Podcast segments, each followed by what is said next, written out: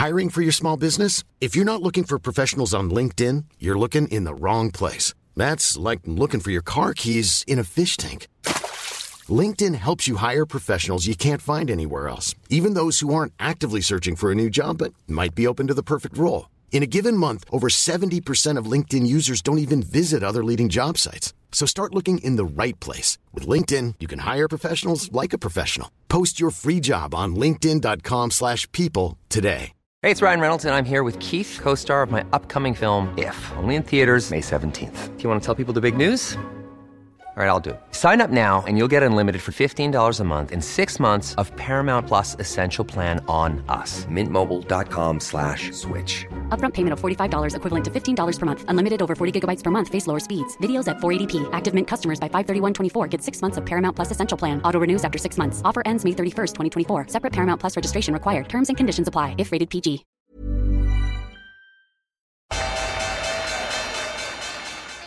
They mistook leverage for genius. Leverage for genius. I would recommend Japan. The governments don't rule the world. Goldman Sachs rules the world. Velkommen til episode 189 av podkasten 'Tid er penger', en podkast med Peter Warren. I dag er det markedet som har vært, oljefondet som kanskje endrer struktur, markedet som kommer, veldig, veldig vanskelig å spå og viktig. Snakker selvfølgelig en del om strømkrise og det som skjer akkurat nå, og så toucher litt innom andre ting. Det kommer vel, eh, Vi har en del informasjon som vi ikke rakk å ta med i podkasten, og det og alle linker vi refererer til, det meste i hvert fall, kommer med på nyhetsbrevet. Det kan du finne på www.tiderepenger.no nyhetsbrev. Da starter vi. Ja, det er begivenhetsrike tider vi er i nå. Ja, absolutt. Vi går inn i hva er, er det her den mest usikre uka ja, ever i finans? Det er mye som skjer, og, og veldig uklart. Nei, det er jo opplagt en, en uh, uke som kan uh, føre til store bevegelser, i og med at vi har, uh, vi har mye tall denne uken. Ja. Sentralbankavgjørelser. og så nærmer vi oss nå da det vi kaller triple witching. Altså hvor, hvor du har opsjonsforfall og future-forfall på, på indekser og enkeltaksjer. Skal vi si at vi starter med det som har skjedd, og så kan vi gå videre til det som skal skje? Ja. Jeg tror det er Eh. mange som liker dine oppdateringer og oppsummeringer av eh, uka som var. Ja, altså den, den første vil nok være den mest overraskende, for å si det på den måten. Og det er jo et fall i strømprisene for levering i første kvartal neste år på, på 21 Og det er klart at når vi ser at vi i morgen får kanskje absolutt ny rekord i, i, i strømpriser, så vil det være mange som da reagerer på 'dette skjønner jeg ikke', kan det, kan det være riktig? Og jeg måtte jo faktisk sjekke det, fordi jeg trodde at det kunne ha en eller, annen, en eller annen form for teknisk årsak, at strømprisene da nærmest hadde kollapset, altså 21% nedgang på, på første kvartal neste år. Jeg, kan ikke huske at vi har sett en så stor bevegelse til eh, nedsiden. Men det er futures, ikke sant? Jo, det er future Det, det er, altså det er, eh, det er på, på Nordpol, bare så det er Ja, sagt. Så, så det på- Finansielle instrumenter, ikke Jo, strømregninger. Nei, ikke, nei, du kan si at nå er det jo altså Futures vil jo si at det er fremtiden. Så la meg bare forklare hva det er som har skjedd. Og det som har skjedd, er at i slutten mot slutten av forrige uke så endret værprognosene seg. Altså Vi har jo veldig kaldt vær i øyeblikket, men det lå an til at det, det, den enorme kulden ville vare mye lenger. Men i slutten av forrige uke så kom det en ny værprognose som tilsier at, at den vil vare kortere. At vi, den vil vare noe sånt som opptil ti dager til, altså fra, fra det tidspunktet. Før vi går tilbake til i anførselstegn normale nivåer, og da mener man normale nivåer for denne sesongen. Og det som har nå skjedd, er jo at med den voldsomme oppgangen vi fikk ikke sant, Vi blasta gjennom da jeg dro ut og løp på, på søndag morgen, så var det minus ti eh, grader. Altså, og det føles jo ekstremt kaldt. Og jeg, har, jeg merker jo det. Det er ekstremt kaldt. altså Man fyrer jo veldig mye mer. Nå fyrer vi med ved og alt, alt, alt som, som går an. Men det har økt da forbruket voldsomt.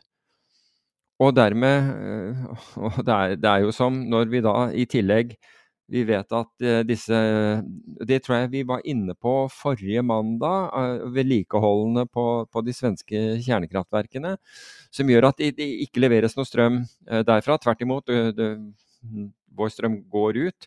For jeg, for jeg tar en digresjon der, for jeg, det her må jeg bare få av Vi skal snakke om strømmen senere. Men du kan ja, men jeg har bare lyst til altså Akkurat når, når det gjelder det altså når jeg antall politikere som sto opp og sa at det spilte ingen rolle, det ville ikke bety noe om man, man økte disse kablene, altså om, om, disse kablene, eksportkablene, fikk mer, fikk mer eh, kapasitet. Altså, det du kan si om de politikerne, er at de, de umulig kan være økonomer. For hvis altså enhver økonom vet at hvis etterspørselen, og etterspørselen er mye større i utlandet, altså det er, det er mye mer etterspørsel, det er mye mer bruk av strøm i, uh, i Europa, uh, Storbritannia osv. Uh, når den øker, så øker pris. Så enkelt er det. Det er tilbud og etterspørsel. Så, så, folk på Stortinget som fortsatt går rundt og sier at det der ikke betød noe, burde skamme seg. For de burde skamme seg på, på basis av mangel på kunnskap. For hadde de hatt kunnskap, så hadde de forstått altså det, det er, Dette er basic Ford-kurven av strøm er sterkt backwardated, for vi har ekstrem etterspørsel i øyeblikket pga. Den, den kraftige kulden vi, vi, opplever nå. Men den er avtagende, kraftig avtagende, og derfor så falt første kvartal 2023-prisen øh, så dramatisk. Ikke for å avbryte deg, men ord som backwardation, så detter 90% av. Og kan du forklare uh, backwardation og hvordan det okay. funker? Bare sånn, bare kort, kort, kort. Backwardation vil si at uh, fremtidsprisen, altså jo lenger ut i, i, i, tid, det lavere er prisen. Så du, i øyeblikket altså Hvis du tenker deg en vanlig finansiell kontrakt, så hvis du tenker deg at du uh, At penger har en, har en kostnad så normalt sett så har Det motsatte av backwardation er hva vi kaller contango. Det er med andre ord en stigende eh, kurve, fordi det koster å, å ha ting på lager. F.eks. Nå får vi ikke lagret strøm, men, men, men, det er en kost av, av, penger. Oljemarkedet har inntil nylig, og vi skal komme tilbake til oljemarkedet etterpå, så jeg skal ikke forskuttere det, men inntil nylig har de også hatt en kraftig backwardation, fordi problemet, altså det har vært lite olje for uh, kortsiktig levering, men markedet har oppfattet at for lenger ute så finnes det nok olje. Og dermed så har de korte kontraktene uh, handlet mye høyere, spot om du vil, handlet mye høyere enn ut, en leveringer lenger ut i tid. Så når det skjer, så er markedet backwardated. Det er uttrykket for det, det er en backwardation. Og det ser vi at det er en kraftig backwardation i strømmarkedet, hvor det lenger ut i, eh, i levering, altså uh, slutten av første kvartal 2023, slutten av hele 2023, altså slutten av fjerde kvartal 2023, 2024 osv., det lavere blir uh, strømprisen. Ikke tilbake til uh, de nivåene som, som vi hadde f.eks. I, i 2020, men lavere enn nå. Så den dårlige nyheten i øyeblikket, det er at vi får sannsynligvis en ny rekord i strømprisen eh, i morgen. Og da snakker jeg om ny prisrekord, altså det, høy, det høyeste vi, har, vi, noen gang har opplevd. Men, har, men, utsiktene fremover er bedre. Så det er på en måte den, den, den, den positive nyheten.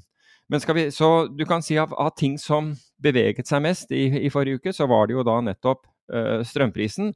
Til nedsiden, til oppsiden, så var det bulkrater som steg faktisk med 19% og så kan mange investorer si hvordan i all verden skulle jeg investert i det?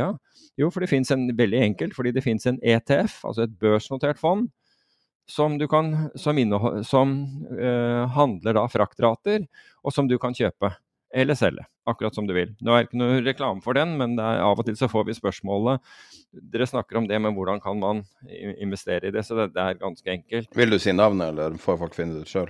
Ja, den heter Breakaway. Um, så, så, alle kan egentlig eh, finne den. hvis de vil. Og det, det er Hva, mulig hva er, når du sier spesifikke, for du vet mange kommer til å kjøpe basert på det, selv om vi, det her er eksplisitt ikke anbefalinger. Nei, det er ikke en anbefaling. Og dette er hva, det, hva som skjedde i forrige uke. Altså at den gikk opp 19 i, i, i forrige uke. Men vi vet jo at både containerfrakt og bulkfrakt har falt kraftig i år. Så, så du kan si at hvis du, hvis du var long på begynnelsen av året, så har du tatt veldig mye penger i både containerfrakt og i, i bulk. Men det er, det er tid Altså nå bare forteller vi hva, hva det var som beveget seg i forrige uke. Og i til, tillegg til dette så hadde du en nytt kraftig fall i, um, i olje. Og jeg vet ikke om vi skal ta olje nå, eller om vi skal komme tilbake til, til det etterpå. Hva, hva vil du? Jeg syns det er best nå. For, sånn Ja, ok, greit. Så, så det som har skjedd, skjedd i, i oljemarkedet, og, og oljemarkedet er jo den usikkerheten som da man har hatt i forbindelse med hva ville skje ved, ved disse russiske Når, når sanksjonene, EU-sanksjonene mot Russland inntraff 5.12. På forhånd så hadde, hadde Russland solgt veldig mye olje inn i, inn i markedet, fordi de var, de eh, var bekymret for at de ikke ville klare å få, få solgt etterpå. Så, så det hadde presset prisen eh, mye lavere. Kina har fortsatt denne covid-bølgen som gjør at de ikke har åpnet opp, så en god del av etterspørselen, eh, den vanlige industrielle etterspørselen som du får etter olje, har ikke vært der.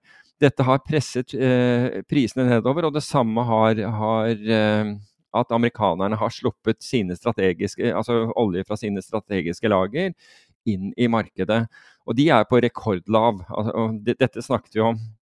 Var det 400 millioner fat, tror jeg det var på nå? Ja, de, har tre, de var på 350 eh, for, for, for litt over en uke siden.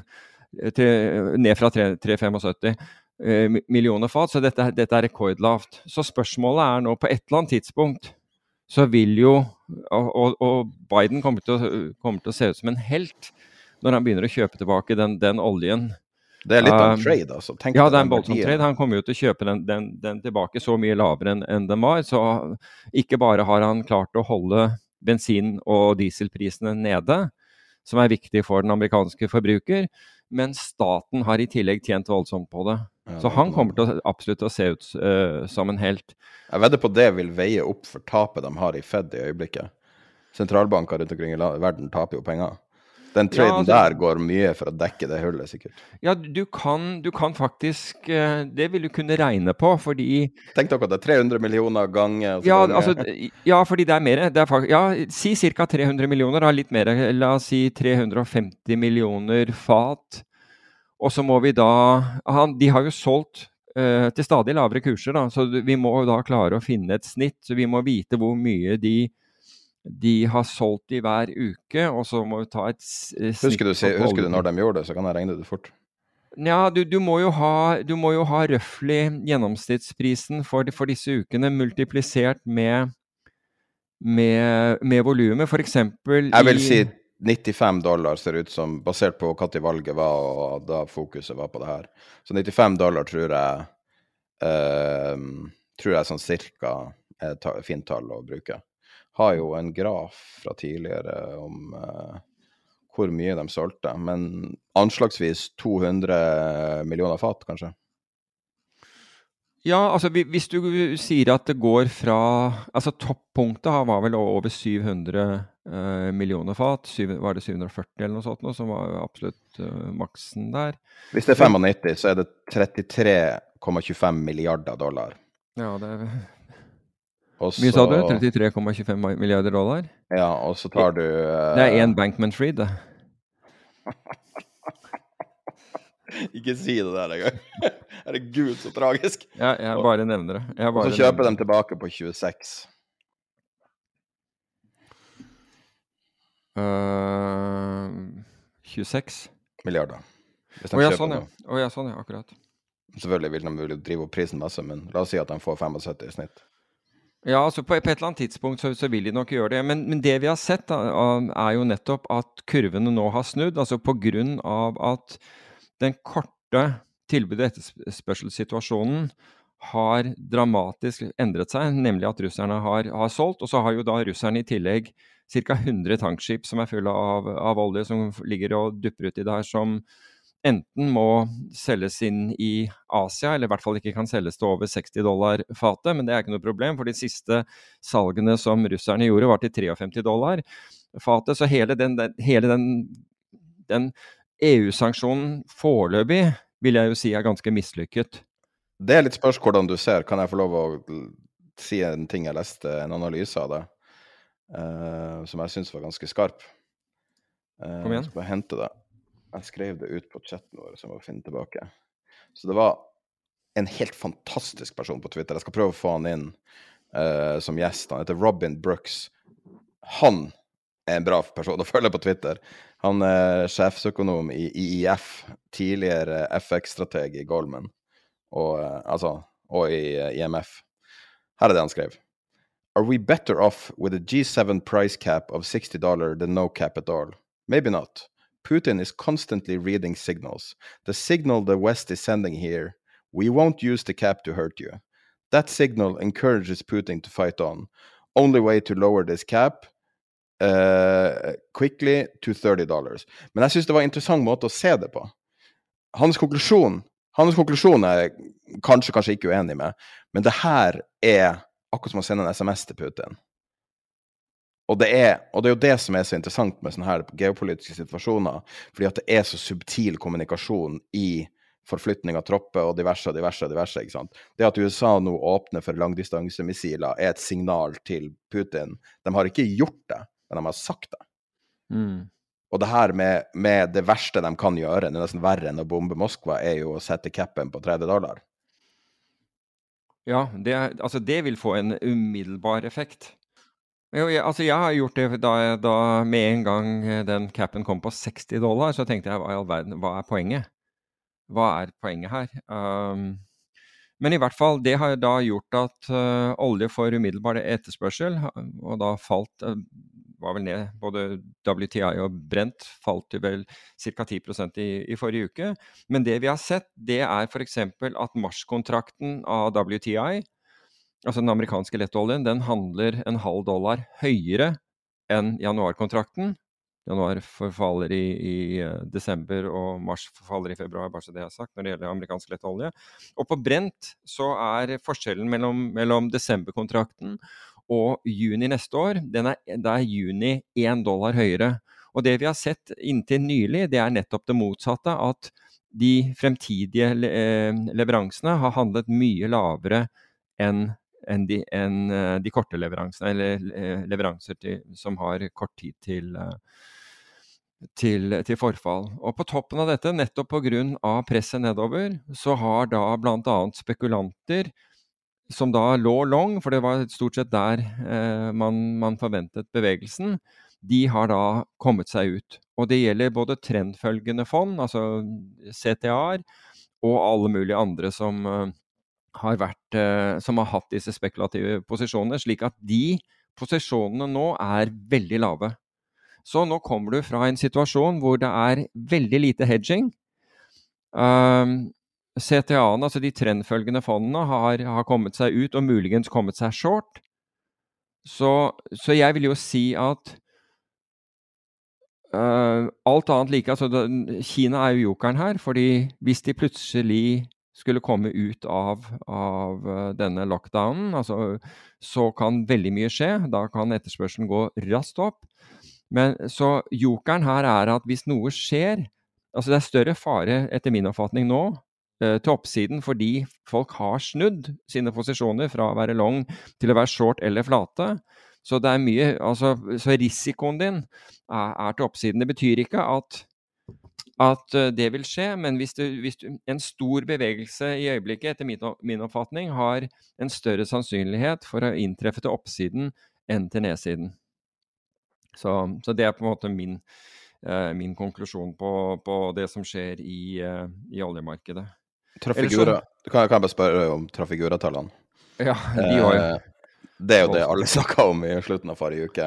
Ja. Råvaretradingselskapet Trafigura dro inn like mye på ett kvartal som på fire foregående år. 7 milliarder dollar. Hvordan tror du dem er posisjonert rundt det her? For når du får en sånn sjokkbevegelse i en så stor råvare, så får du Altså, implikasjonene er så store tall at uh, det begynner å bli problemer for clearing, f.eks. Det begynner å bli Altså, uforutsette problemer skjer. Litt sånn som når vi får høye strømpriser, så knekker alle modellene. For de er ikke laga for det.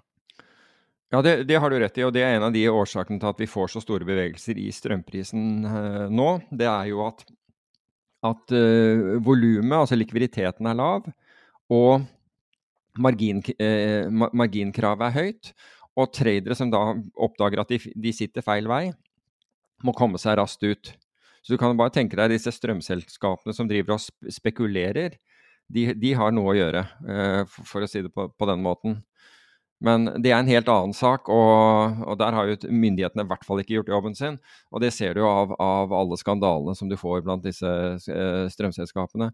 Men når det gjelder altså akkurat Trafigura, så uh, Trafigura, Vitol og Gunvor og, og disse store, uh, disse, disse store råvaretradingselskapene Vi må huske at de trader veldig mye fysisk olje. Så hvis det er noen som Altså hvis, hvis, hvis du, det er én fordel du kan ha, så er det nettopp å vite hva som skjer i det fysiske oljemarkedet.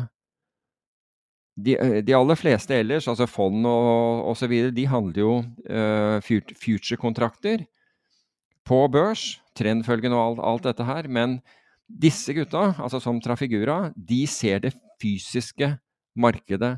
Så de er bedre informert enn noen annen, etter min oppfatning. Og, de, og, det betyr også at de har en mye større sannsynlighet til å fatte riktige beslutninger, eller å fatte Uh, ta de nødvendige avgjørelsene. Altså de har informasjon som gjør at de kan ta de nødvendige avgjørelsene, selv om de til tider kan gjøre vondt, men før de, andre, før de aller, aller, aller fleste andre oppdager hva som, hva som foregår. Jeg bare sitter og tar det innover meg. jeg syns det er utrolig interessant. På generelt grunnlag så vil jeg si at jeg syns dine analyser er nesten skarpere for tida enn de bruker å være. Har du endra kosthold eller noe sånt? Nei, det har ikke noe med jeg det å gjøre. Jeg sier det ikke på tull, jeg mener det. Jeg du har Nei, men, men, men det, har, det, har, jo altså Det er jo ikke Altså Stort sett så gjør man jo den samme jobben, men noen ganger så dukker det opp situasjoner som gjør at og det gjelder spesielt hvis du ikke har en på forhånd bias. Du kan si at jeg på forhånd hadde en bias fordi jeg var long olje. Men når jeg så at, at det underliggende begynte å endre seg, når jeg så faktorene begynne å endre seg, og at eh, først og fremst at flere risikofaktorer dukket opp. altså eh, Rett før 5. Eh, 5. desember, altså EU-sanksjonene. Så det gjorde at jeg, og det var jeg klar på i, i podkasten, at, at, jeg rett og slett gikk ut av 40% av, av den posisjonen. Det er gjort gjennom opsjoner, så det resterende kommer til å forfalle eh, denne uken her uten Altså verdiløse, rett og slett. Hvordan nivå er det på? 85 eh, i, i, eh, i WTI. 85-90 Colespread i, eh, i WTI. Hvorfor valgte du akkurat den strategien? Uh, slett, nei, det var, det var, rett og slett for jeg følte at jeg ville få veldig mye betalt for det. For det første så visste jeg ikke hvor langt dette ville bevege seg. Jeg hadde allerede hatt uh, høyere striker, 100 110, som jeg da hadde gått ut av. Uh, og, og, og, så rullet jeg ned mot, mot 85-90, for, for, da lå vi i det, rett under 80. Og på det tidspunktet så var det mange som mente, tydeligvis feilaktig, men dette kom fra veldig mange av de, de topp investeringsbankene, sa at amerikanske strategiske lagrene bare ventet på å få en pris under 80 dollar, så ville de begynne å kjøpe. Viste seg å være klin feil. Det har ikke vært noe kjøping av disse i det hele tatt. Tvert imot. De har fortsatt å, å, å selge. Og derfor så, så, trodde jeg på at du ville Og du fikk jo en spike. Du fikk jo en spike som gikk opp. altså eh, til, slutt så fikk du en, eh, en, spike, men den fulgte ikke rett og slett rett etter. Men det var i, i forkant av eh, av, av 5.12. så hadde du en spike som gikk til over 90, og så, og så, kom vi tilbake igjen og så gjorde vi et nytt forsøk hvor vi gikk opp til 83 dollar, og så gikk vi ned igjen. Uh, og det var i den der siste uh, spiken oppover hvor, uh, hvor, jeg benyttet anledningen til å, til å redusere, re, redusere, den posisjonen jeg hadde, rett og slett fordi jeg syns at, at det var såpass mye tåke at det var på tide å redusere hastighet, for å si det på den måten. Nei, du, jeg vil ikke ha har kasta de her uh, opsjonene dine, altså mens du har snakka med olje, så har det steget, har brenten steget 60 øre. Nei, 60 cent, sorry. Ja, ja. Mens du eh, har snakka om olje nå, bare Ja, ja, altså det- eh, Men jeg har ikke noe ja, ja, Nei, du vet aldri. Og jeg, har, jo, jeg har jo 60% av den posisjonen igjen. Men jeg tviler sterkt på at jeg får noe utbetaling på, på den. Men det, altså, stranger things have happened, men jeg, jeg, jeg tviler på det.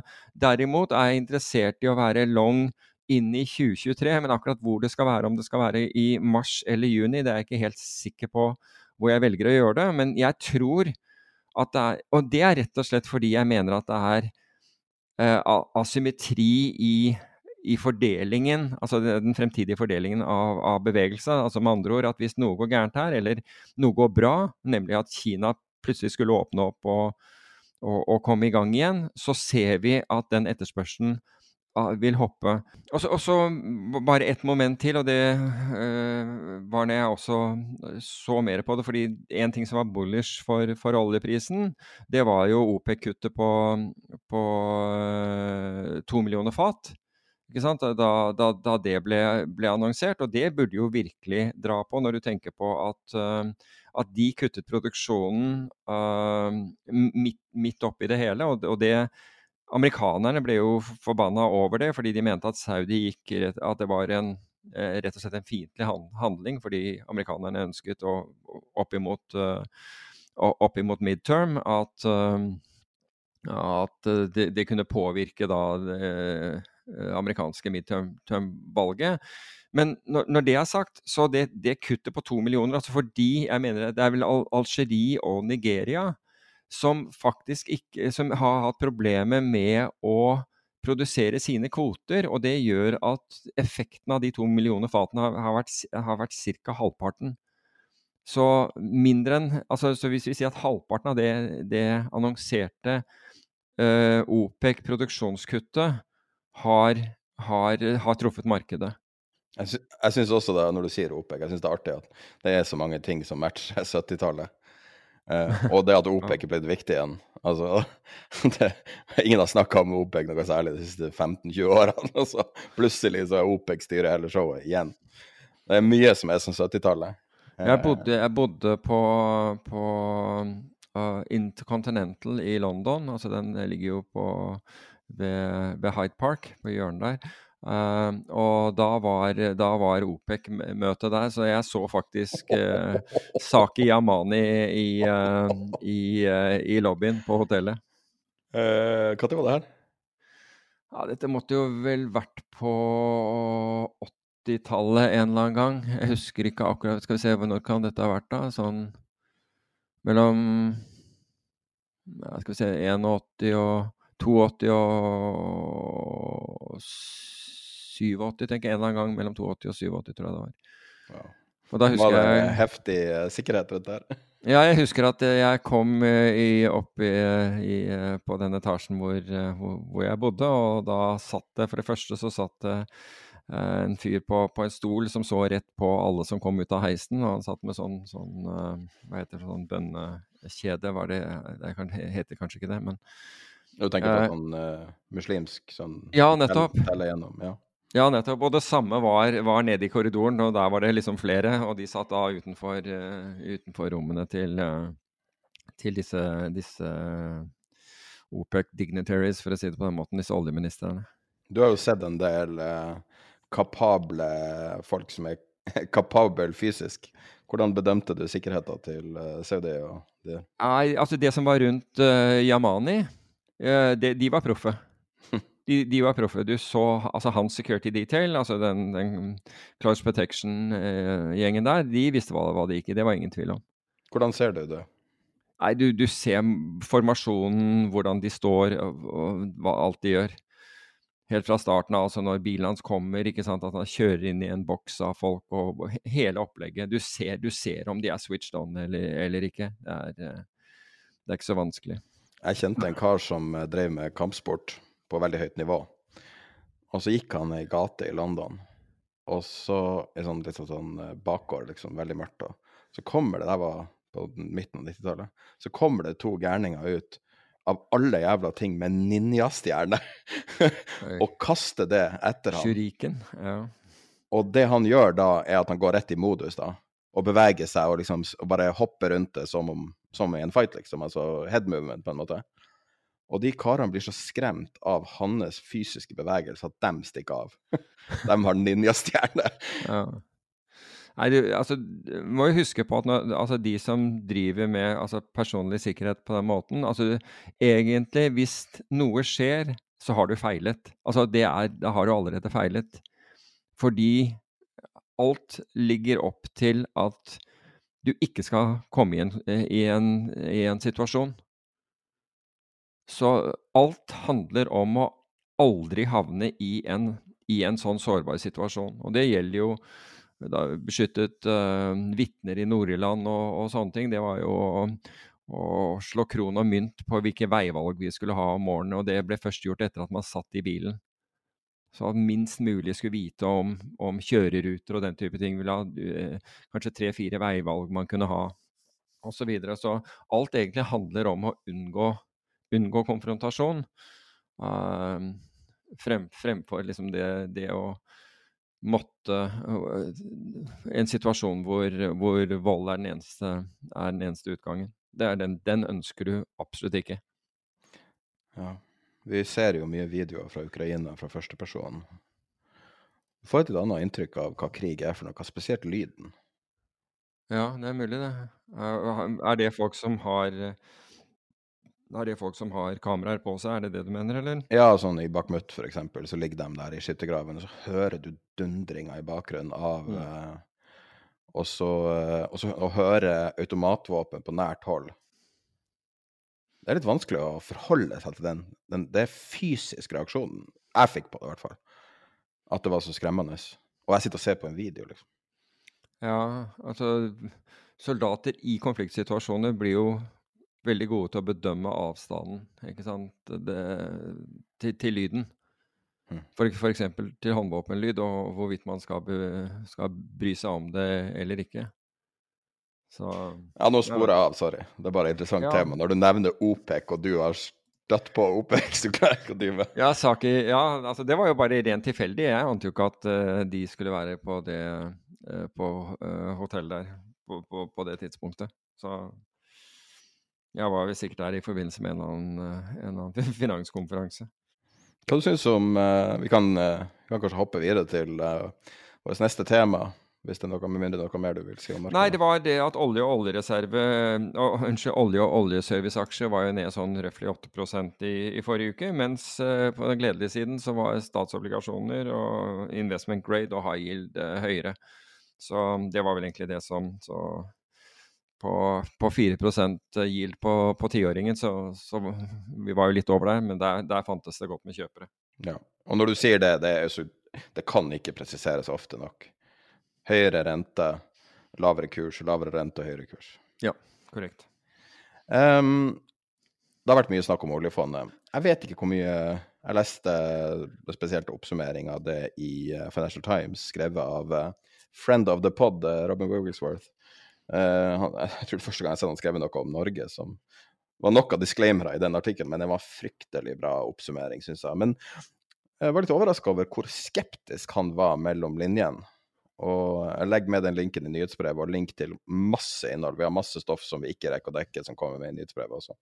Men um, når du ser på Robin Wigglesworth sin oppsummering, så det virker som han ikke vet helt hva han skal tro om tilnærminga, og til en viss grad stiller spørsmålet om er oljefondet i ferd med å bli et hedgefond. Hva er det som skjer? Hva er din oppfatning av det? Jeg vil, jeg vil jo si at uh, uten tvil så har Tangen valgt å, å, å, gjøre oljefondet mer aktivt enn det var. Um, og det kan være Altså årsaken til det kan, kan, være to ting. Det ene kan være hans bakgrunn, som det er mange som spekulerer i. og halve Politiker-Norge fryktet fra, fra, fra, starten av, og for så vidt en rekke akademikere. Eh, ellers så kan det være at han rett og slett ser et annet Altså at verden har endret seg. Hvilket, jeg må jo si, han, han for så vidt gjorde da rentene var som lavest, altså da statsobligasjonsrentene var som lavest, og han øh, ulikt de fleste, fleste fond, øh, flyttet durasjonen sin. Altså uh, gjorde da uh, Altså byttet lange obligasjoner med obligasjoner med mye kortere løpetid for å gjøre seg mindre sårbar overfor endringer i renten. Så altså det ene er det Det kan godt hende at, at, at på en måte hedgefond-genet ligger eh, så eh, innarbeidet i han at, han at, at, det er det som gjør det. Men jeg tror samtidig at det kan være situasjonen vi befinner oss i. Og til det siste så har jeg, har jeg helt opplagt eh, sympati på den måten at vi skal hele tiden stille oss spørsmål om hvorvidt vi egentlig tror at historien eh, gjentar seg. For alt går jo egentlig på det. Altså, dette har virket så bra. Vi hadde 60-40, eller vi hadde mindre enn det, og så ble det 60-40, og så ble det 70-30. Alle disse tingene var egentlig bra, og, og endringer i hvordan allokeringen Uh, ikke, den, ikke, den, aktive delen, men hvordan hovedallokeringen til uh, fondet skulle, uh, skulle, være. Så der ble det gjort beslutninger som viste seg å være riktige. Og det kan godt hende at vi nå går inn i en periode hvor på basis av, av, delvis på basis av økonomiske forventninger, men også på basis av forventningen til f.eks. aksjemarkedet, hvordan det skal utvikle seg, obligasjonsmarkedet osv., som, som kanskje krever en større grad av aktivitet. Svaret på det, på det siste her, det vet vi jo ikke før, um, før uh, om, om, noen år, for, eller om et år, eller, eller hva som helst. Vi vet ikke det i dag. Men det å stille spørsmål ved at er det riktig, er det riktig som det er? Men nå skal det også sies at slik jeg forstår det, så betyr ikke dette en endring i, uh, i den forholdsvis, i prosent, veldig lave andelen som de, de kan opptre eh, aktivt med. Det betyr bare hvordan de skal opp, opptre aktivt innenfor den. Så det er ikke slik at han flytter, altså det har han heller ikke eh, mandat til. altså Det måtte i, i, i, eh, i fall uh, styret, altså Finansdepartementet, godkjenne hvis Stortinget, sannsynligvis. Ja, det, det, helt riktig. altså det, uh, At the end of the day så er det Stortinget som da måtte vedta en, en slik endring. Men han gjør endringer innenfor den, det mandatet han har. Og, og, og tilsynelatende gjør det mer aktivt. og Nå er det snakk om pre-IPO-er og litt sånn forskjellig. Det kan, men det kan hende at der kommer det muligheter. Det er nettopp der det kommer muligheter. og Et annet eksempel er f.eks.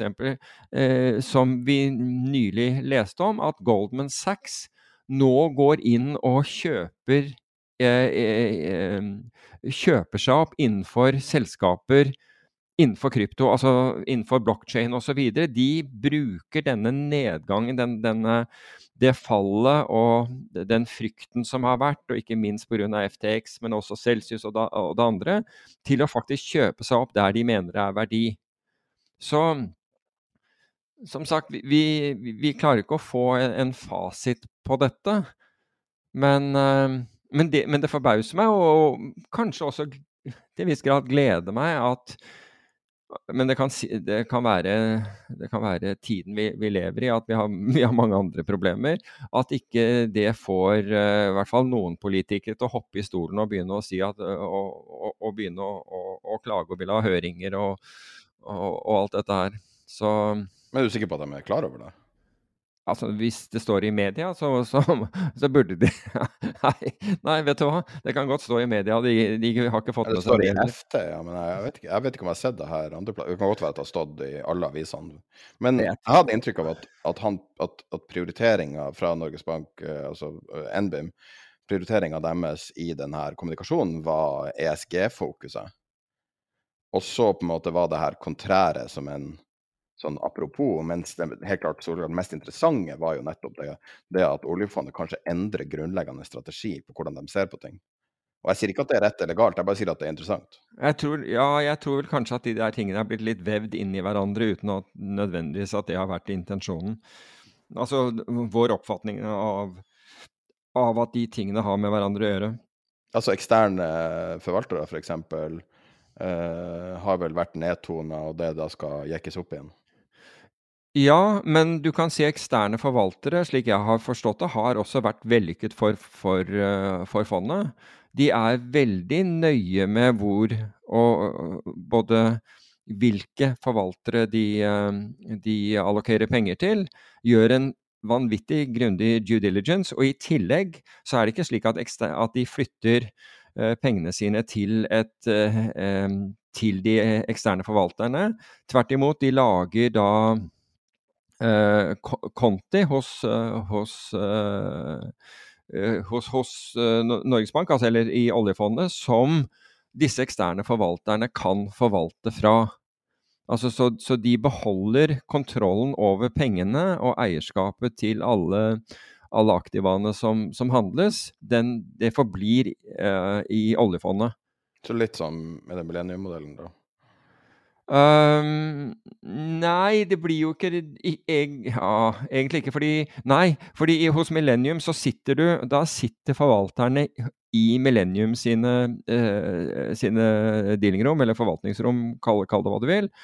Uh, mens, uh, mens, pengene er Millennium sitt. Mens i dette tilfellet så blir det som en aktiv forvaltningsavtale. Altså at f.eks. en eller annen forvalter har en aktiv forvaltningsavtale med med oljefondet, hvor, de, hvor, hvor oljefondet setter av et beløp på en, på en konto som, den, uh, som, denne forvalter. Men den kontoen er eiet av oljefondet. Så, og det gjør jo at sikkerheten er mye høyere for, for, for, for pengene. Altså pengene blir ikke borte, og, og, de, og verdiene blir, blir, ikke borte. Men forvalteren har da Og, og innsynet blir, blir, blir fullstendig. Altså hver eneste transaksjon vil da vil da backoffice og risk management og, og, compliance hos uh, oljefondet se. En siste punkt som uh, ble uh, trukket fram av Tangen, var um, kanskje litt overraskende. De sier at de skal gå til selskaper pre-IPO, mm. som vil gi dem tilgang på selskaper tidligere i, liv, altså i livssykkelen, og potensielt øke avkastninga. Nå skal det jo sies at det var strategien til Tiger, Tiger Global, og det har vel vært en enorm katastrofe for dem. Nå skal vi jo si vi er i slutten av en opptur, så sånn sett så ok, greit de ble tatt, men, men det har jo ikke vært en suksess for dem. Nei, men jeg, jeg, tror vel at man skal si der at Tiger Global gikk for det mest risikofylte uh, investeringene i markedet. Og, og, det er veldig ulikt hva hva oljefondet har, har gjort til nå.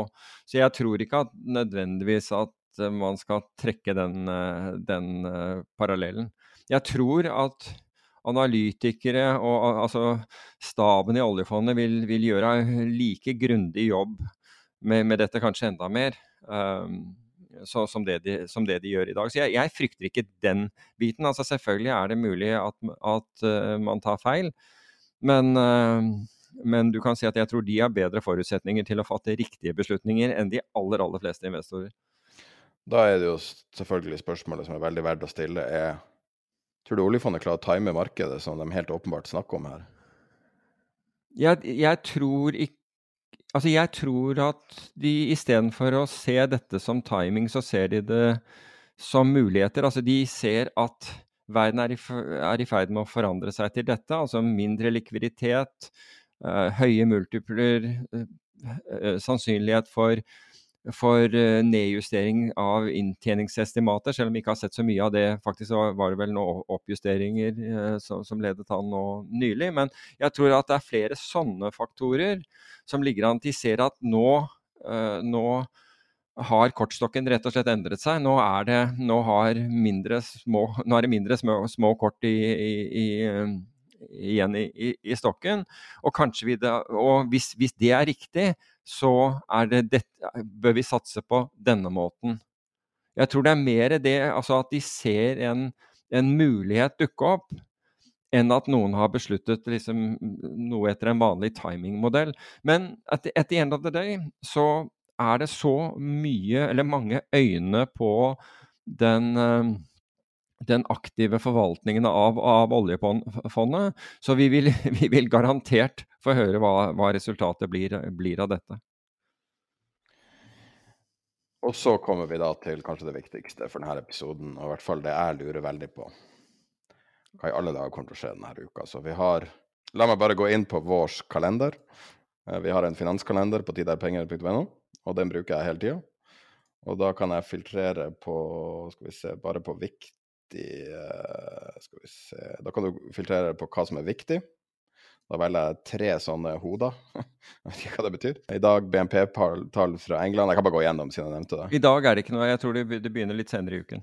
Ja, BNP-tall fra England bare, så mm. var i dag. Um, du får jo også resultatene for det i vår kalender i tillegg.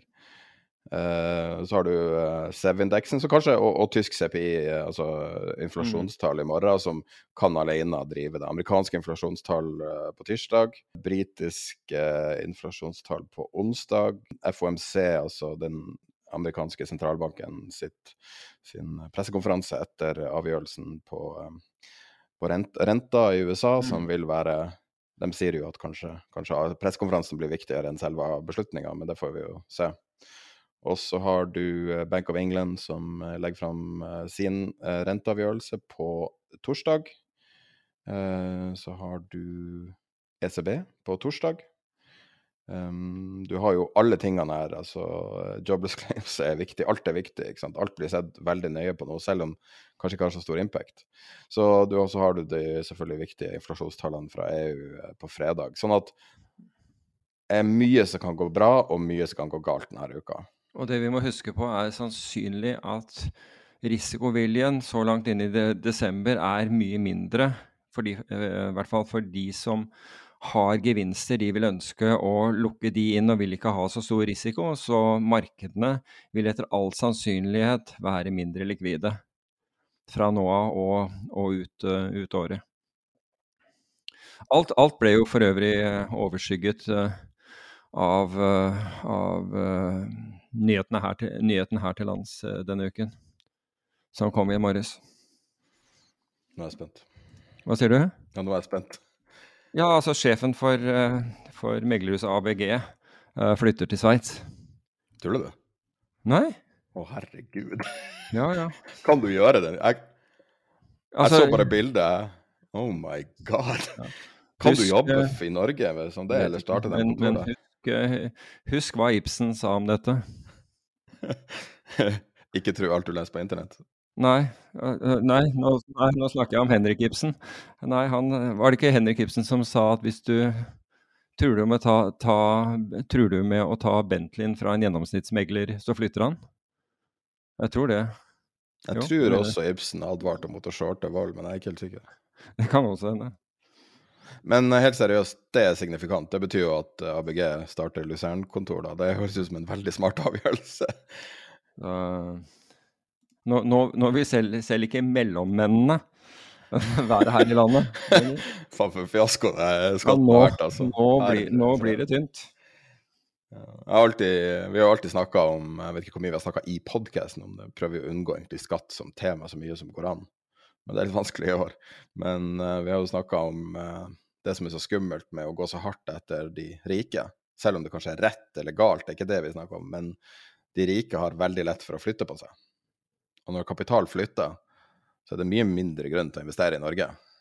Nå er det over en halv milliard i, eh, i årlig skatt som har forsvunnet, er det ikke det? Det, er, uh... det må nå være mer enn det.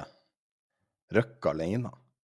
Jeg tror han er hoveddelen av det, eller har den største delen. Men Røkke er så rik at det, det er sikkert blitt mer enn det også, men det er, det er betydelige summer som, uh, som uh, vi andre skal uh, Vi andre må betale mer skatt for at det skal, at det skal gå i hop nå. Det har vært skikkelig vellykket. Ja, så nå, nå begynner det å bli tynt. Har du ikke mer å si om denne uka? Jeg har sett fram til Jeg kan, jeg kan prøve å trigge litt, trigge litt fra det, da. Her er et par ting. Så uh, hvis du ser på opsjonsmarkedet, så har vi jo snakka mye om putt call-ratioen. Og hvis man ser veldig overfladisk på det, så kan man tenke å ja, da betyr det at, uh, at uh, folk har stor uh, nedsidebeskyttelse. nei, altså venter på stor stort f.eks. børsfall, eller Man kan tolke mye ut av det. Du kan egentlig tolke det begge veier, på en måte. Du kan jo si også at det er en crowded trade, og du kan bruke det masse. Men hvis du begynner å se litt mer på tallene, da, som en ny nok en favoritt på Twitter som heter Spot Gamma, som er bare helt enestående bruker med masse bra data. Uh, de har sett litt mer på det her og sett på uka som kommer og alt, og sier følgende uh, What's going to happen this week? No one has a clue. Traders are pricing 2% moves for uh, Thursday CPI, Wednesday FOMC. These moves feed into Friday, December monthly OPEX, which is a beast. Og så legger han med en graf her og sier Shown option prices suggest traders see Monday as quiet, but price in a gigantic range by Friday. Uh, Friday, December monthly OPEX across uh, SMP, SPY, Triple Q osv. Uh, 300 milliarder dollar in raw put and call delta is expiring, som du snakker om triple witching. Mm. Hva i alle dager kommer til å skje?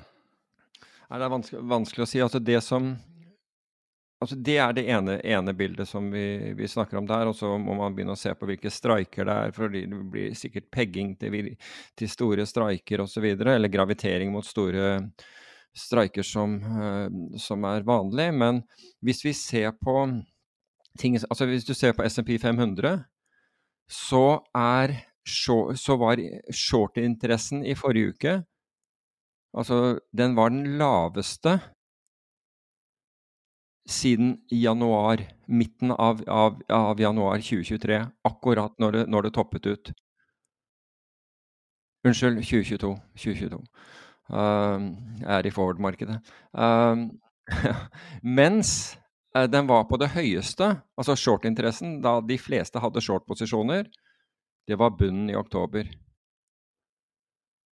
Så hvis du går etter den, så, altså hvis, hvis du bare tar de tre datapunktene, eller to av dem kjenner du utfallet av, nemlig i januar. Da var det ingen som ville Da var det like få short-posisjoner i markedet som det er nå.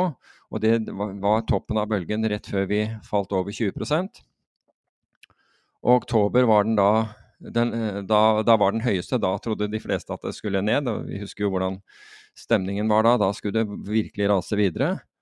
Um, og da, det, og da, rekulerte vi opp over 17% på indeksen siden, og nå har vi den laveste eh, eh, åpne, åpne, balansen av short-posisjoner igjen. Så det, i dette markedet, så tilsier det jo at, at du har betydelig risiko til nedsiden. Det betyr ikke Altså det betyr bare hvordan eh, distribusjonen eh, eh ser ut. Altså med andre ord, hvis det kommer stor, eh, en virkelig stor bevegelse, så er det større sannsynlighet at du ser den til nedsiden enn til oppsiden. Så um, Hvorfor, hvorfor tar alltid the crowd The crowd is always wrong? Hva er greia der, liksom? Ja, Det er bare, bare, slik det er, fordi da er det masse hysteri ikke sant, overalt. Enten så er det eh, massegrådighet som styrer, eller så er det masse hysteri. Og vi, vi, påpekte det i, både i september og, og uh, oktober, da vi så et antall norske uh, analytikere som meg bekjent aldri hadde vært negative til, til markedet, snu seg og si at nå, skulle, nå var det over, nå skulle nå skulle det, ned. Da snakket vi om det på, på podkasten, og vi sa det der at dette her kan være dette kan være signifikant, altså dette kan være en bunn. For dette er, dette er de siste optimistene som, som blir eh, eh, pessimister. Så vi får nå se hva som, hva som, skjer. Men når man vel vitende om at det er viktige tall, posisjoneringen i markedet, pluss at likviditeten vil være fallende herfra utover, så er, så er resten av året eh, Altså, det, det, kan absolutt skapes muligheter, men her, her, kan man forvente at det virkelig svinger. Så her skal man være forsiktig. Og hvordan opptre da? Altså når eh, Hvis du sier at volatiliteten vil stige, at her vil det komme store svingninger, så vil det jo nettopp være at du har mindre posisjoner enn ellers, fordi du får Altså hvis disse utslagene blir, blir mye større, så vil du oppnå det samme med mindre posisjoner enn, en du f.eks. har gjort i den siste måneden. Så det er egentlig bare å, å avpasse farten etter forholdene. Eller egen kompetanse. Alt eh, etter, ettersom. Vil du komme med en spådom? Nei, jeg har ikke noe spådom, egentlig. Jeg bare forsøker Altså, jeg, jeg vet hvordan eh, Altså, jeg tar til meg disse faktorene, og det gjør at jeg er mer forsiktig.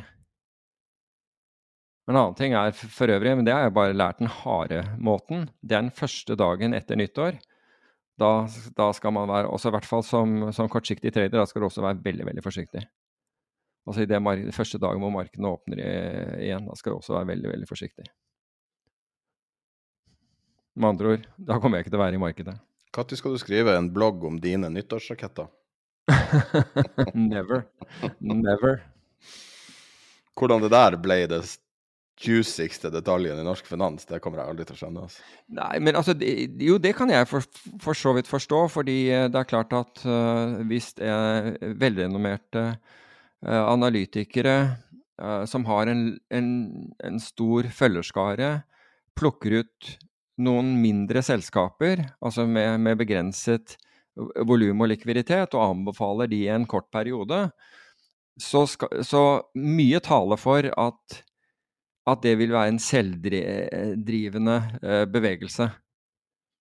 Ikke, ikke det at, at, analytikeren gjør noe, gjør noe galt, fordi eh, altså det bakenforliggende, altså, og grunnlaget for å anbefale eh, disse aksjene, kan godt være rock solid, det for alt jeg vet. Men Og etter hvert som det begynte å ta av, altså, så kom flere og flere og flere på banen. Til slutt så kom så mange på banen at det ikke virket lenger, og da gikk det motsatt vei. For da, de som da var der, var der med maksimal trykk og giring, fordi det var ikke noe vits i å være i, i markedet Eh, de andre dagene i, i, eh, i året, hvis du, kunne, hvis du, kunne, slå den ut av parken på, på, noen få dager. Så da var det liksom bare å satse beinhardt på det. Og, så, og, og når det ikke da gikk, så må du jo selvfølgelig ut like fort, eller fortere. Jeg tror, kaller, jeg tror Goldman kaller det laggards. De er litt mindre svulstige i språket. Ja. Jeg er vel Goldman er nok mer, mer, mer, bevisst på det der å ikke bli saksøkt for å, for å ha gitt feil informasjon eller et eller annet sånt, eller gitt feil forventninger, tror jeg. Ja. Det, Nei, det er grusomt. Det skjer i Norge. Amerikansk juss og amerikanske advokater, det har jeg gjort et par ganger. og det håper jeg slipper å gjøre så mange ganger til. Ja, det er jeg glad for å ha unngått selv, for å si det på den måten. Men da kommer vi til det 100% av Norges befolkning er bekymra for nå. Det er alle snakk om i dag i lunsjen. Hva faen er det som skjer i strømmarkedet? Hva kan man gjøre? Hvordan skal man bedømme det her? Hvor mange kommer til å dø? Mm. Altså, det her er så alvorlig. Jeg satt og ser på værmeldinga nå bare for å Her er like i området der eh, du og jeg bor. 14, 15 og 16 minus. Onsdag, mm. torsdag og fredag. Det er i værmeldinga akkurat nå. I dag er det minus fem. Det føles som minus ti, står det. Så det er jo Når jeg gikk ut i går, så trodde jeg jeg skulle dø. Jeg ligger forrige år. Eh, heldigvis bor jeg i et isolert hjem, men det vet jeg veldig mange ikke gjør. Og jeg tenker med gru tilbake på min bestemor, som var et fantastisk menneske. Som hadde vært minstepensjonist hele livet og slitt og slitt og slitt. Og hadde så trangt hele tida bare prøv å forestille meg hun eller en tilsvarende person i den situasjonen i et mm. gammelt hus der et helt liv har hele løftet med Norge vært lav energi. Har lav pris på energi. Også grunnlaget for veldig mange bedrifter er jo den ene fordelen man har i Norge, er forvent, altså lav pris på energi. Det er liksom, det er den urettferdige fordelen til bedriftene. Og nå er alt borte fordi man bestemte seg for noe for fem-ti år siden, eller når det ble vedtatt, og ingen tør å si vi tok feil, og vi skal sette grenser. Selvfølgelig skal vi beskytte livene, selvfølgelig skal vi beskytte de svakeste i samfunnet. Selvfølgelig skal vi gi minstepensjonistene, som har gitt så mye av seg sjøl til samfunnet, selvfølgelig skal vi beskytte dem. Men nei da. De indeksregulerer ikke minstepensjonen. de tar fra de mest åpenbare kandidatene, altså alt fra dødssyke barn til alt mulig, sånn helt, helt brainless å ta penger fra det i et land som har ekstrainntekter i år. Jeg tror det er 2100 milliarder kroner på olje og strøm. Det er vanskelig å si akkurat tallet, men la oss si det. Det er et tall som flere opererer med. Men, og det man ikke sier, det, det er jo at, at, uansett hvilken kompensasjon man gir, så tjener allikevel staten penger på dette. Altså, det, et, får de et overskudd. Et, et, et kjempeoverskudd som, som man, man, man ikke, ikke, var, ikke hadde forventet å få. Jeg så her at det var noen som sa hvorfor, hvorfor altså, Den strømstøtteordningen med 90% over 70 øre osv., men som da gjelder gjennomsnittet, og som ingen klarer å kalkulere på forhånd om, om hvor kommer til å ligge, istedenfor å si vet du hva, makspris 50 øre. Makspris 50 øre. Og så, og så sier var det NVE eller noe sånt noe. Ja, men eh, det, det, da, vil, eh, da vil vi ikke da vil alle bruke masse strøm. Det er tre ganger prisen. Det er tre ganger prisen vi hadde i 2020.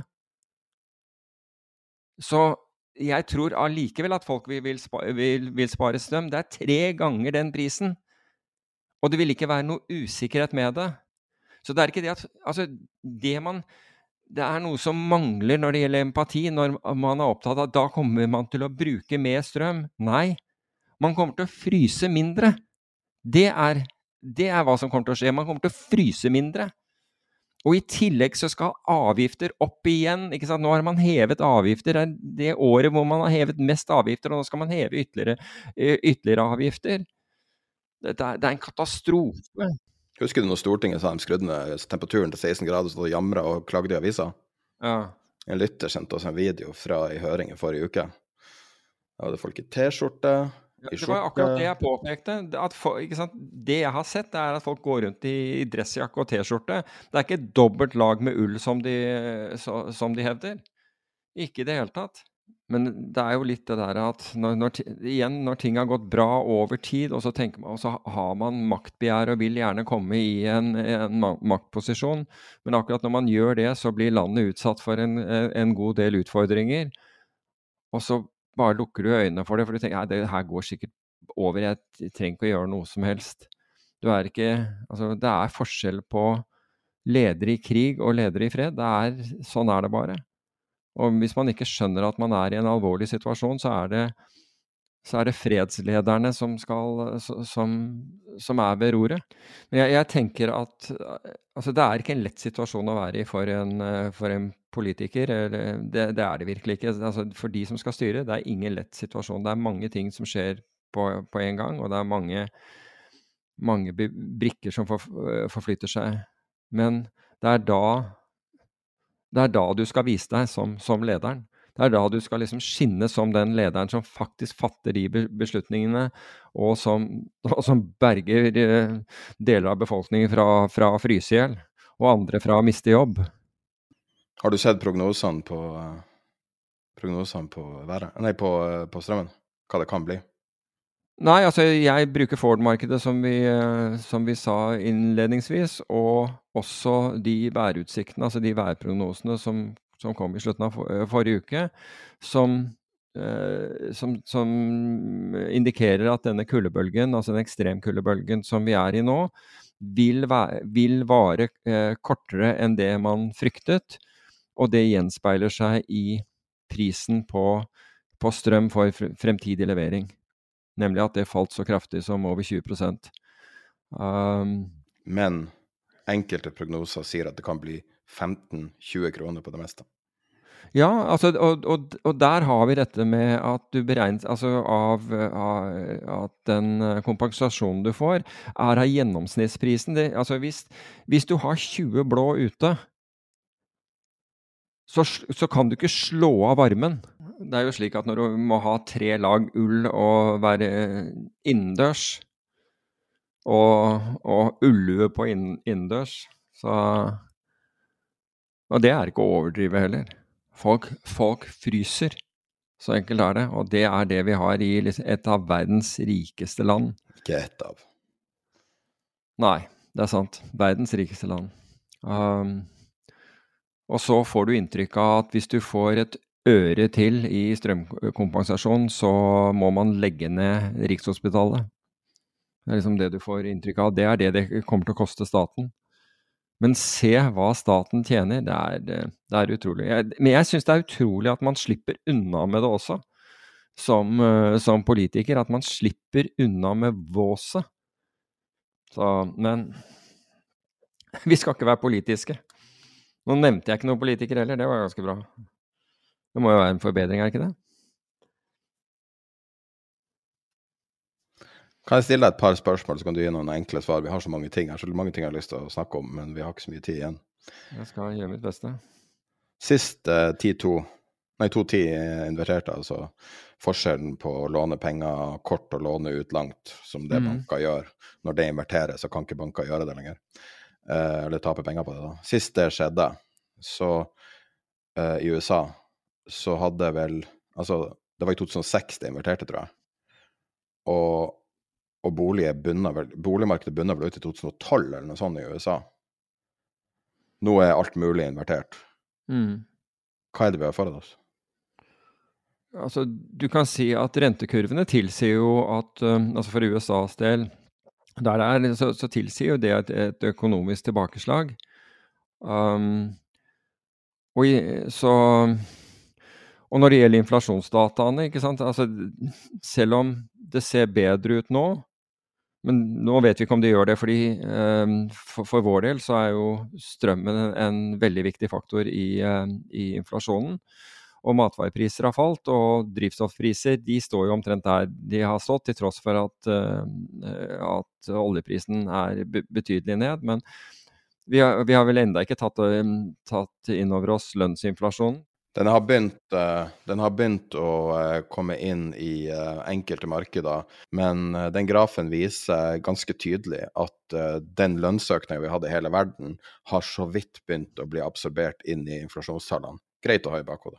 Det er, det er, klart at det er mange ting her som, som, er utfordrende fremover. Men samtidig, når vi blir utfordret som, som vi gjør, så skapes det også muligheter. og man, La meg liksom løfte folks hode med, med der, at det er også muligheter hver gang du får materielle skift i, uh, i økonomien. Altså, det kan være, være, at nye ting blir At man finner ut, finner på og finner ut nye ting, eller, eller, hva som helst.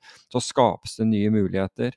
Og ved disse nye mulighetene så blir det ofte en omstokk av, av hvem det som hvem det er som gjør det bra. Altså det, kortene blir stokket om. Det er veldig vanskelig når du har etablerte uh, oppganger, altså etablert, uh, etablerte gode tider, fordi da er, da er, på en måte konkurransen veldig høy. Mens når, når du får et tilbakeslag, så blir, blir, det ofte muligheter, og kortstokken, altså i form av hvem det er som klarer å, å utnytte uh, situasjonen, uh, være kreativ, den, den, blir endret. Kortstokken blir, den blir stokket om, og, og, det blir delt ut på nytt igjen. og Det skal man huske. Artig, artig, ting å ta med. Jeg vet ikke om det har vært skrevet noe i avisa, det kommer sikkert i avisa i dag. Eh, det har vært et gjennombrudd i eh, kjernefusjon. Eh, så det man har prøvd å gjøre siden 1950-tallet, har man for første gang klart. Det at man får mer energi ut enn man putter inn i fusjon. Man bruker å kalle det kald fusjon, jeg har hørt om det i hele livet mitt. Leste illustrert mm. vitenskap og sånn. For første gangen nå, det Independent skriver, så har man greide å få ut De fikk ut 2,5 megajoule, 120% av 2,1 som ble brukt til å kjøre eksperimentet. Det hadde vært godt tima hvis de hadde fått ræva i gir og, og fått det ut på markedet. Ja, det er bare det å få ræva i gir, da. Ikke sant? Disse tingene tar tid. Apropos tar, tar tid, det var jo snakk om at, de, at uh, det ikke er nok uh, ladestasjoner. Altså, vi skal jo gå mer og mer til, til el for all kjøretøy. Og ikke er nok ladestasjoner, men da kunne DN melde i dag at, uh, at ved siden Altså hvor, hvor, lang tid dette kunne ta. For det tar over to år, eller tar inntil to år, å få en saksbehandler på søknaden din. Det er landet med, med, med størst offentlig sektor i verden. Må få inn noen flere godt. konsulenter. Godt Fylle. gjort. Ja. Godt Kan vi snakke litt om REITs? Vi har jo snakka om REITs tidligere. Fins det et godt norsk navn på REIT, egentlig? Eiendomsfond, kanskje? Ja, det er eiendomsfond. Og det er jo- har vi jo, det har vi jo sett noe, noe av i det siste i Norge. Ja. Så Eh, Ja. Og du har, du har jo både fond som er på børs, og fond som ikke er på børs. Eh, nå i høst så har investorer trukket ut helt enormt mye penger av non-traded REITs. Jeg legger med en graf på det i nyhetsbrevet. Um, indikasjoner sier at det kanskje er en liten run på de fondene her nå. Nå har jo Financial Times Ja. var jo på en måte de første til å ta den ballen. Så, ja, med eh, Blackstone-fondet som, som har stengt for innløsninger, ja. Ja, og det her er jo så stort, og så er det jo også veldig real world, ikke sant. En ting Ja. er nå eh, liksom en eller annen aksjeverdi som går opp og ned i hytt og pine og alt sånt, betyr ikke så veldig mye om det kollapser eller noe sånt, men eiendom er litt annerledes. Har du noe fil på hva det er som skjer der, og hva som er implikasjonene i det større bildet? Nei, altså du, har jo da Du har jo de børsnoterte eiendomsfondene. eh, eller de, de offentlige eiendomsfondene, for å si det på den måten, som, som det settes daglig priser på. Og de, der har, har det jo falt 40% eller, eller mer, avhengig av eh, hvor, de, hvor de befinner seg. Så har du da de som ikke er børsnoterte, og som da, som det ble nevnt forleden, altså dette dette bl.a. dette ene Arctic-fondet som det sto om, hvor giringen er skyhøy og, og, og egenkapitalen er borte. Altså da, da har du et problem. Så hva gjør du da hvis du sitter med det og har, har en forpliktelse? Du prøver å, å kvitte deg med det i, i håp av at det er en even bigger fool der ute som kan, som kan overta det. Fordi dette er, ikke, dette er jo ikke likvid, dette er jo ikke noe eiendom du får solgt på dagen. Så um, var det ikke Storebrandbygget også, av, av alle ting? Storebrandbygget ute på, på, på Lysaker dette her gjaldt, og det er belånt til pipa, og loan to value da tilsier at du må putte inn eh, tilleggssikkerhet, altså med andre ord som da trekker likviditet ut av, ut av markedet, og du skal samtidig da fornye lånet til en vesentlig høyere rente. Så det er den der eh, aktiva-klassen som aldri kunne falle og alltid var solid, og det var bare å kjøre på. eh, nemlig eiendom, som da ikke leverer etter, for, etter, etter forutsetninger, den heller. Er det, er det mulig å ta ut penger nå? Det tror jeg. Nei. Nei, så folk som er stuck, er stuck? Ja, De som er stuck, er stuck. De må da, eh, altså Enten så går hele greia over ende, altså at banken overtar. Eller så må man da opp med mer egenkapital og, og nytt lån. Men da må man stille med nok egenkapital til at banken syns at uh, er villig til å låne, låne penger på det. Så da trekker det både inn likviditet, og kostnadene øker betydelig. Og den øker langt mer enn det du får ut av dette igjen.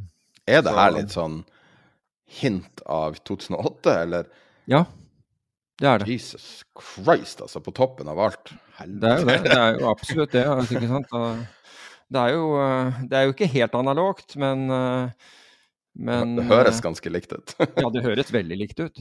Det høres ut som man har funnet playbooken fra, fra 2007 og så sier nå kjører vi dette. For nå er investeringsviljen så høy her i landet, og dette blir det enorme eh, honorarer av for, me, for mellommann. Har du tid til et par punkter til, eller vil du stikke av? Kjør på. EU brukte fire millioner på en fest i Metaverse. Nei, jeg var ikke der, for å si det på den måten. Nei, for det var fem stykker som dukka opp. ok. Ah, det er jo eh, Det er jo frist per hode. Enig i det. Nå har jo krypto hatt ei dårlig, eller bitcoin har jo hatt en dårlig helg, for så vidt. Litt, litt ned, og det liksom tester bunnene hele tida.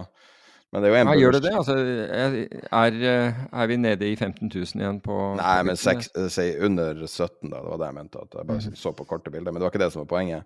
Poenget er at eh, Jim Cramer oppfordrer folk til å selge krypto. Gjør han? Det er nesten så jeg får lyst til å hive meg inn. Du vet at de her ETF-ene, uh, Inverse Cramer-ETF-en, er i ferd med å bli Altså, den er ikke registrert, men er, de jobber med det. For å, for å liksom bare gjøre konsekvent motsatt betavann. Men det mange, mm. veldig mange gjør med stor suksess, er jo bare å gjøre konsekvent det motsatte han sier hele tida.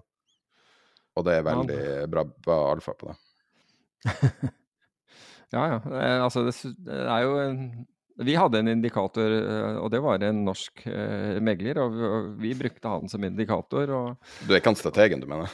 uh, ja, jo, jeg tror han var det, men, men ikke vi, vi, treng, vi skal ikke nevne navnet, men, men vi, gjorde, altså, vi gjorde motsatte av de anbefalingene der, og, og tjente penger på det. For første gang eh, nesten noensinne, så begynner prisen på batterier å gå litt opp. Ok.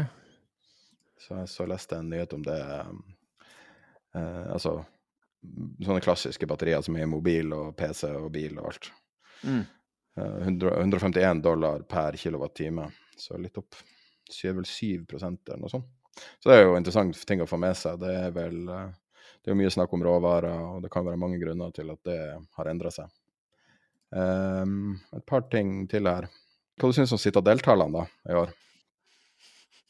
Jo, altså de er jo, de er jo solide, de. Men uh, Citadel har jo, har jo ofte, ofte solide tall. Jeg regner med at det er det Wellington som, er, eh, som det siteres til her, eller er det Citadel som market making? Det er hedgefondet hans, så jeg vet ikke, men jeg vet ikke hvordan. Det er Wellington, tenker jeg. Ja, 32 i år. Ja. Er, eh, ja, vi har norske fond som, som er opp det samme, så, og mer. Så, men det er klart at det er, det er bra, det. Og hvis du er en lytter som tror at eh, Citadel er djevelens verk, så tror jeg jeg vil skuffe deg litt. Det er vel litt mer sammensatt enn det. Man burde ikke få alle nyhetene sine fra Reddit. Nettopp. Um, fraktprisene har normalisert seg helt. Ja, bortsett fra i forrige uke, som jeg nevnte, da hvor bulk er eh, opp- Nei, nå snakker jeg om altså, containerfrakt. Ok. Ja, Helt eh, tilbake til 2020 januarnivå. Ja. Problemet er, og det her er jo litt sånn skjebnens ironi, det er ingen som vil ha noe fra Kina lenger. Uh, etterspørselen etter frakt er 40% ned. Altså varer som skal sendes. Men altså, vi snakket jo om dette her da, da Og det, det begynner jo å bli en måned eller et eller annet sånn eh, siden da vi snakket om inflasjonen uh, ville toppe ut, så var det jo, var det jo nettopp frakt, eh, drivstoff eh, som, som olje, og matvarepriser vi så på. som var ned, og som da burde begynne å virke inn på, inn på tallene. og Det er det vi har sett også. Gjennomsnittlig i verden i 2022 har et hedgefond gitt minus 5% avkastning. Men du må se litt nærmere på det. Global makro er opp 9% Det er jo det man kanskje forbinder klassisk med den klassiske strategien. Du hadde jo et global makrofond som du forvalta. Ja. Um, også, Det er, det er ett i Norge, det er, men de, de er ned 50 i år. Ja. Men det er i snitt det Goldman sine tall, så jeg regner med at det er fra Prime-tjenesten de har de tallene. Helt sikkert. Uh, og så har du skal vi da skippe et par. Uh, Aksjehedgefond ned 12% Altså equity uh, long short. eh, Jeg spesifiserer ikke long short, men jeg regner med at det er det. Det står bare equity. Eh, deres egen, egen chart. Um, SMP 500, når denne grafen ble tatt ut, var ned 16% Nasdaq var ned 28 Men verst av alle er hedgefund VIP basket. Det er en, så vidt jeg husker, så det er en ETF, eller en syntetisk ETF, som tar utgangspunktet i utelukkende aksjeinvesteringen til hedgefond. Så det, du, det det ser ut som, er at du har bare Longboken, ja. Mm. ja, det ser ut som er at med å gå for Det har jo en veldig tiltalende navn, VIP. Mm. Litt sånn som VIP Skandinavia i gamle dager, for dem som husker det. uh, men uh, i likhet med Tom Berntsen, så har det gått på en smell eh, i år i nedtid, så Hvor mye var det du sa VIP-porteføljen var ned? 29. Så mer Oh, enn neste Nasdaq. Oh, wow. Så det betyr jo at de har hatt høy beta og har surfa mye på tidevannet, og nå står de Mm. der kliss naken på, på, i stranda. Men det så du altså av hedgefondresultatene som du fikk eh, for, eh, som er kommet inn fra november. Så altså du kan Der er det en del hedgefond som, som, som er som aksjefond. Altså er aksjemarkedet ned, så er hedgefond ned. Er aksjemarkedet opp, så er, er, er de opp. Så enkelt som det. Så det er bare rett og slett aksjefond med giring. Mens du har da de som, de som utmerker seg der, og som har levert helt andre, andre resultater. Og de skal man legge merke til. Det andre er ikke hedgefond, det er bare belånte aksjeporteføljer. K- eh, Hva er dealen med sentralbanker som er børsnotert, sånn som belgiske sentralbanken og og uh, Sveitsiske? Ja, så SMB og uh, Ja, altså jeg var ikke klar over at den belgiske var. Uh, jeg visste ikke at det var belgisk sentralbank engang. Nei, så, så den, den, kjenner jeg ikke til, men, men sveitserne har jo, har jo den er jo riktignok uh, Den er jo kjent. Uh, jeg vet ikke hva, hva, du skal si om dealen. altså Federal Reserve er også for så vidt privateid. Men det er ikke god business å investere i noe Sveits, nei, belgisk nasjonalbank. Den er ned på det laveste nivået siden tidenes morgen omtrent. og har vært og toucha på 4500 euro, og nå toucher ned på 500 euro. Så jeg vet ikke om det er en indikasjon på verden akkurat nå, men det var bare et spesiell graf jeg har jeg håper det ikke. Jeg tror det, det forteller oss heller at, er, at, verden er komplisert. og, og You can have all the smartness in the world. Altså hvis du ikke har risikodisiplin og, og, den type ting, så, så går det deg ille. Og i dette året her har vært fælt for veldig mange. Det er uten, uten tvil. Altså det var som jeg husker ikke hvem det var som, var, var som sa det. Jeg, mener, jeg sa 20, men så lurer jeg på om en av DNB kanskje det var jeg husker ikke. Men i hvert fall, de sa at medianaksjen, altså altså medianaksjen på Oslo Børs er ned 18% og det er klart det med en indeks som så vidt er ned. Så, så jeg, jeg, ser at folk ler av indeksinvestorer osv., men uh, jeg vet ikke, jeg. Um, de har gjort det bedre enn de fleste, for å si det på den måten. Har du noen closing thoughts? Nei, altså det er som du sier, det, det blir interessant. Altså nå Det blir my, mye skjer denne uken her. Og jeg regner med at vi kommer til å ha mye å snakke om neste, i, i neste podkast som følge av det. Så dette blir en interessant uke. Vær forsiktig. altså Hold posisjoner eh, lave, for her, her i et eh, potensielt veldig volatilt marked som på toppen av det hele har mindre likviditet, så kan bevegelsene bli veldig store. Og for de som har et, eh, et, eh, tilfredsstillende resultat hittil i år, så burde de definitivt ikke risikere det i, eh, i sluttspurten her. Hva er en bra hedge hvis du er generelt lang? Hvis du er generelt long, så er det jo altså fortsatt så handles handles uh, salgsopsjoner rimelig, for det har vært mye, mye salg av dem. Og du kan, du kan, kjøpe deg beskyttelse til nedsiden. Hvis du er long, så kan du få beskyttelse til, til nedsiden for, uh, for, en brøkdel av hva du kunne for, uh, for tre måneder tilbake, f.eks. Så da kan det jo være interessant og, eller attraktivt å, å, å, gjøre det. Ellers så er det jo å tilpasse farten etter forholdene. Er du en langsiktig investor som ikke har tenkt å gjøre noe uansett, så slå av radioen, la avisen ligge i, uh, i, i postkassen og hold sukkeret nede. Sukkerinntaket nede. Supert. Da er vi tilbake neste mandag. Sannsynligvis kommer vi med Patrion-episode uh, i løpet av uka. Bitte lite spørsmålstegn på det, basert på at det er jul og det er veldig mye som skjer nå. Så, men lover vi har, vi har planer om det. Så utenom det så er vi tilbake neste mandag. Ha en fin uke.